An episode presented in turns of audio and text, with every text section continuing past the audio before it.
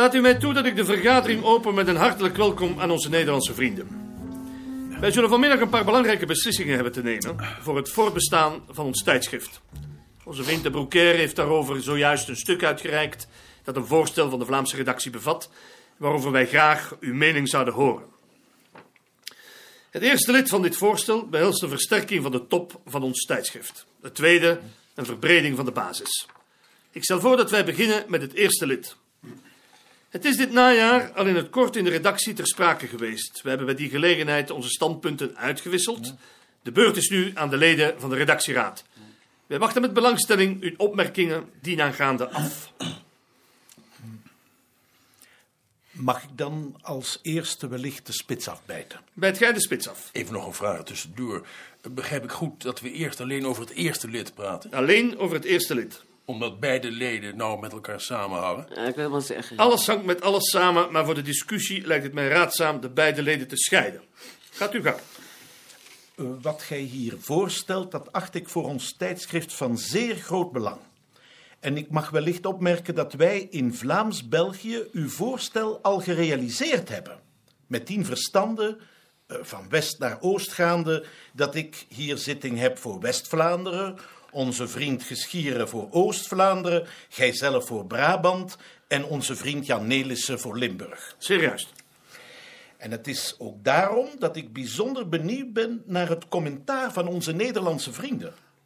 Waar ik nog aan zou willen toevoegen dat niet alleen de Vlaamse regio's in onze redactieraad vertegenwoordigd zijn, maar met de aanwezigheid van professor Geschieren en professor Pieters ook de universiteiten van Gent en Leuven, zodat een dicht net van regionaal en wetenschappelijk betrokkenen op het gebied van de volkscultuur de zuidelijke Nederlanden helemaal overspant. Dat is nauwkeurig wat wij met dit voorstel beoogd hebben. Gij slaat de spijker op de kop. Wie van onze Nederlandse vrienden mag ik het woord geven? Ik kan natuurlijk alleen voor mezelf spreken. Maar ik vind het voorstel zeker de moeite van het overwegen waard. Al vraag ik mij af of wij in Nederland zo gemakkelijk mensen uit de regio bereid zullen vinden als u dat in België hebt gevonden. Juist de regionale onderzoekers zijn in Nederland wat terughoudend in hun contacten met een centraal lichaam als het bureau in Amsterdam. Wat onze vriend Wiegel opmerkt is zeer interessant. We hebben daar ook aan gedacht toen wij met ons voorstel kwamen. En daarom heb ik contact opgenomen met de heer Morsman van uw Brabantse vereniging Het Brabants Erf. En ik kan u tot mijn genoegen mededelen dat de heer Morsman zich bereid heeft verklaard om tot de redactie van ons tijdschrift toe te treden. Hoe dat met de andere regio's in Nederland is, weet ik niet, maar dit is toch al een stap in de goede richting. Ja, en daar hoor ik van op. Het had u toch niet hoeven te verrassen? De contacten tussen ons Brabanders, weerszijden de grens, zijn altijd zeer hartelijk geweest. En wij zijn elkaar graag ter willen. Oh, dat geloof ik graag. Maar ik vraag me af of het nu wel zo'n gelukkig idee is om iemand in de redactie op te nemen omdat die uit Brabant komt. Ik wil best aannemen dat dat bij u anders ligt, maar in Nederland lijkt zoiets me hoogst ongelukkig. Heer, heer, meneer de voorzitter. Ik deel het bezwaar van professor Buitenrust Hettema natuurlijk. Ikzelf beschouw mij ook niet als een vertegenwoordiger van Zeeland, hoewel ik me, zoals u weet, wel een zeeuw voel. Maar ik heb mij juist de laatste weken afgevraagd of wij geen compromis kunnen bereiken in het belang van ons tijdschrift. Ik ken Morsman als een serieus man. Ik zou er geen enkel bezwaar tegen hebben om met hem in de redactie van ons tijdschrift te zitten. Alleen niet als vertegenwoordiger van Brabant. Waarbij ik aanteken dat het u natuurlijk vrij staat om hem als zodanig te beschouwen. Op deze wijze zouden wij misschien ook voor de andere regio's in Nederland een oplossing kunnen vinden. Ik denk daarbij voor Limburg aan professor Appel, die vandaag helaas verhinderd was, maar die al in de redactieraad zitting heeft. Als dat het accepteren van ons voorstel voor u eenvoudiger maakt, dan zouden wij daar denk ik geen bezwaar tegen hebben. Het zou het voor ons ongetwijfeld eenvoudiger maken. In ieder geval durf ik het in deze vorm wel in de commissie te verdedigen. Wat denkt vriend Maarten hiervan? Ik moet u zeggen dat ik het een wat schimmige discussie vind. We hebben dit voorstel twee maanden geleden in Middelburg in de redactie besproken. Beerta en ik waren het toen, toen niet mee eens. En u hebt het tenslotte ingetrokken. Nu ligt het opnieuw op tafel. Ik vraag me af hoe vaak u het nog zult intrekken voor het definitief van tafel blijft. Ik sta op het standpunt dat de Nederlandse redacteuren door de commissie moeten worden aangewezen, niet op grond van hun afkomst, maar op grond van hun kwaliteit. Als de heer Morsman die kwaliteit had, was hij al lang lid van de commissie en redacteur geweest. Maar intussen heeft onze vriend Anton zijn standpunt gewijzigd, zoals u hoort. Ik heb het gehoord, ik niet. Dan stel ik voor dat wij dit punt aanhouden tot de Nederlandse commissie definitief haar standpunt heeft bepaald. In zaken als deze moeten wij geen overhaaste besluiten nemen. We hebben nog drie kwartier. We komen nu aan het tweede lid van ons voorstel. Dat beoogt de basis van ons tijdschrift te verbreden door onze musea en andere instellingen en verenigingen op het gebied van de volkscultuur uit te nodigen ons tijdschrift financieel te steunen. Waarvoor in ruil zij dan over acht bladzijden per jaargang mogen beschikken.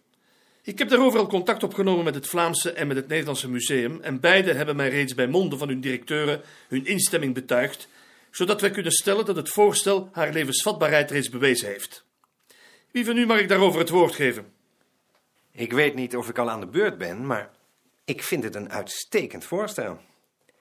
En het is mij bekend dat de heer Vester Jeuring er ook zeer mee ingenomen is. Daar begrijp ik nou niks van. Het museum heeft toch een eigen blad? Wij beschouwen dit als een mogelijkheid om een breder publiek te bereiken. Nou, daar zie ik dan niks in. In de commissie van toezicht van het Vlaamse museum, waar ik toevallig in vertegenwoordigd ben, staan wij eveneens op het standpunt van de heer Wiegel. Ja, dat zal wel waar zijn, want die hebben niet eens een eigen tijdschrift. Maar ik moet er ook niet aan denken dat ze naar eigen inzicht die acht bladzijden gaat vullen. Ja, ik ook niet. Stel je voor, een zou het hek van de dam zijn. Ik weet niet hoe u dat bedoelt, maar de kwaliteit van de medewerkers van ons museum is voor mij boven iedere kritiek verheven. Ongetwijfeld, maar ik zou het oordeel daarover toch liever niet uit handen geven als ik redacteur was. We zouden in ieder geval het recht van veto moeten hebben. Op zijn minst en dan nog. Zeg, daar heb je niks aan. Zodra je ze in ruil voor een financiële bijdrage acht bladzijden geeft, kom je onder morele druk te staan. Ik zou het niet doen. En als we het nou eens een jaar op proef probeerden? Dat moet je helemaal nooit doen. Als je het op proef doet, kun je niet meer terug. Moet ik daaruit besluiten dat u het voorstel verwerpt? Zoals het hier voor ons ligt, ja. Ik zie hier niets in. Zo sterk zou ik het toch niet willen uitdrukken. Ik vind dat er aan dit voorstel een aantal heel goede kanten zitten, die zeker het overwegen waard zijn. Nou, ik niet. Dat betekent dat u ons voor de keus stelt, ofwel Amsterdam met een handjevol academisch gevormde, ofwel de musea en verenigingen en instellingen in Vlaanderen en Nederland met een achterban van vele duizenden. Die keus zou wel eens in uw nadeel kunnen uitvallen als ik haar aan de uitgever voorleg. Ik weet niet of dat als dreigement bedoeld is. In ieder geval maakt het geen indruk op me. Tableau. Meneer de voorzitter, ik stel voor dat wij deze kwestie even laten rusten en eerst de rest van de agenda afwerken. Misschien mag ik eerst nog op mijn beurt met een compromis komen. Ik stel voor dat wij in het voorstel de verplichting tot een eigen financiële bijdrage schrappen en acht bladzijden vervangen door een onbeperkt aantal bladzijden op voorwaarde dat de redactie de kwaliteit beoordeelt en over opname beslist. Als het zo wordt geformuleerd, zou ik er geloof ik geen bezwaar tegen hebben. Ik vraag me alleen af wat de zin ervan dan nog is. Ik trek het voorstel in! Ik zal u eerst verder onderhandelen met de uitgever. Het resultaat krijgt u voorgelegd, maar verbaast u niet als dat het stopzetten van de samenwerking met Amsterdam gaat betekenen. Een klein briefje is voldoende. Dan sluit ik dit deel van de discussie. We hebben vinnig gediscussieerd. Laat ons dat niet verhinderen om als goede vrienden uit elkaar te gaan. Bertha, koning, voor u beiden heb ik nog iets. De Broekaire, geef mij even twee exemplaren van de drukproeven voor onze Nederlandse vrienden. Ik geef u de drukproeven van het vierde nummer mee. Het is geheel gevuld met Vlaamse artikelen. De Vlaamse redactie neemt daarvoor de verantwoordelijkheid. Wij hebben het niet nodig gevonden er dit keer apart over te vergaderen. Dat is toch volkomen tegen de afspraak? Dit is tegen de afspraak. En dan het dreigement om het aan de uitgever voor te leggen? Dat is hij zelf. We moeten eruit. Denk daar nu maar eerst eens rustig over na. Zulke beslissingen moet je nooit overhaast nemen.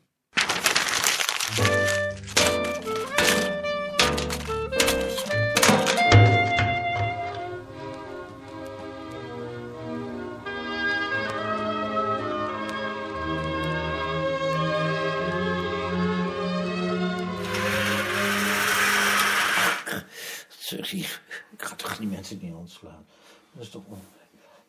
Dat is nog de tijd die voor. We moeten juist onverland. Moeten we weggaan? Nee, u kunt gerust blijven. Nee, Hij heeft net een insuline-injectie gehad. ik... eh, Hij zal zo wel rustiger worden. Zo, zo, Pieter, joh. Misschien moet hij een plas. Moet je een plas? Hier is de fles. Weg! Zal ik de zuster even halen? Ja, haal de zuster maar. Als je nou even wacht, dan komt de zuster. Niks, niks, zuster. We denken dat hij een plas moet, maar hij doet het niet. Zal ik u even helpen, meneer Koning?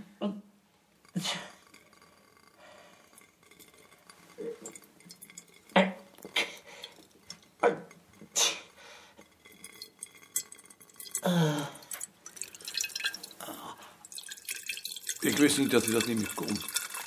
Dat is omdat hij wat in de war is.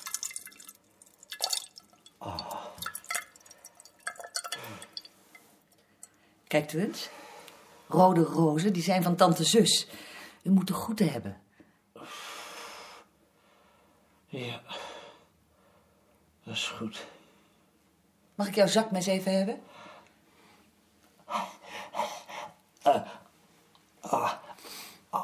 Ja, Heb je het benauwd? Ik ben in een donkere kelder.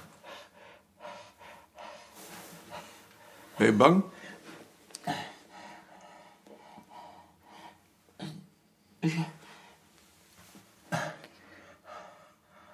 Kijk eens. Wat een mooie rozen. Ah, dat is goed.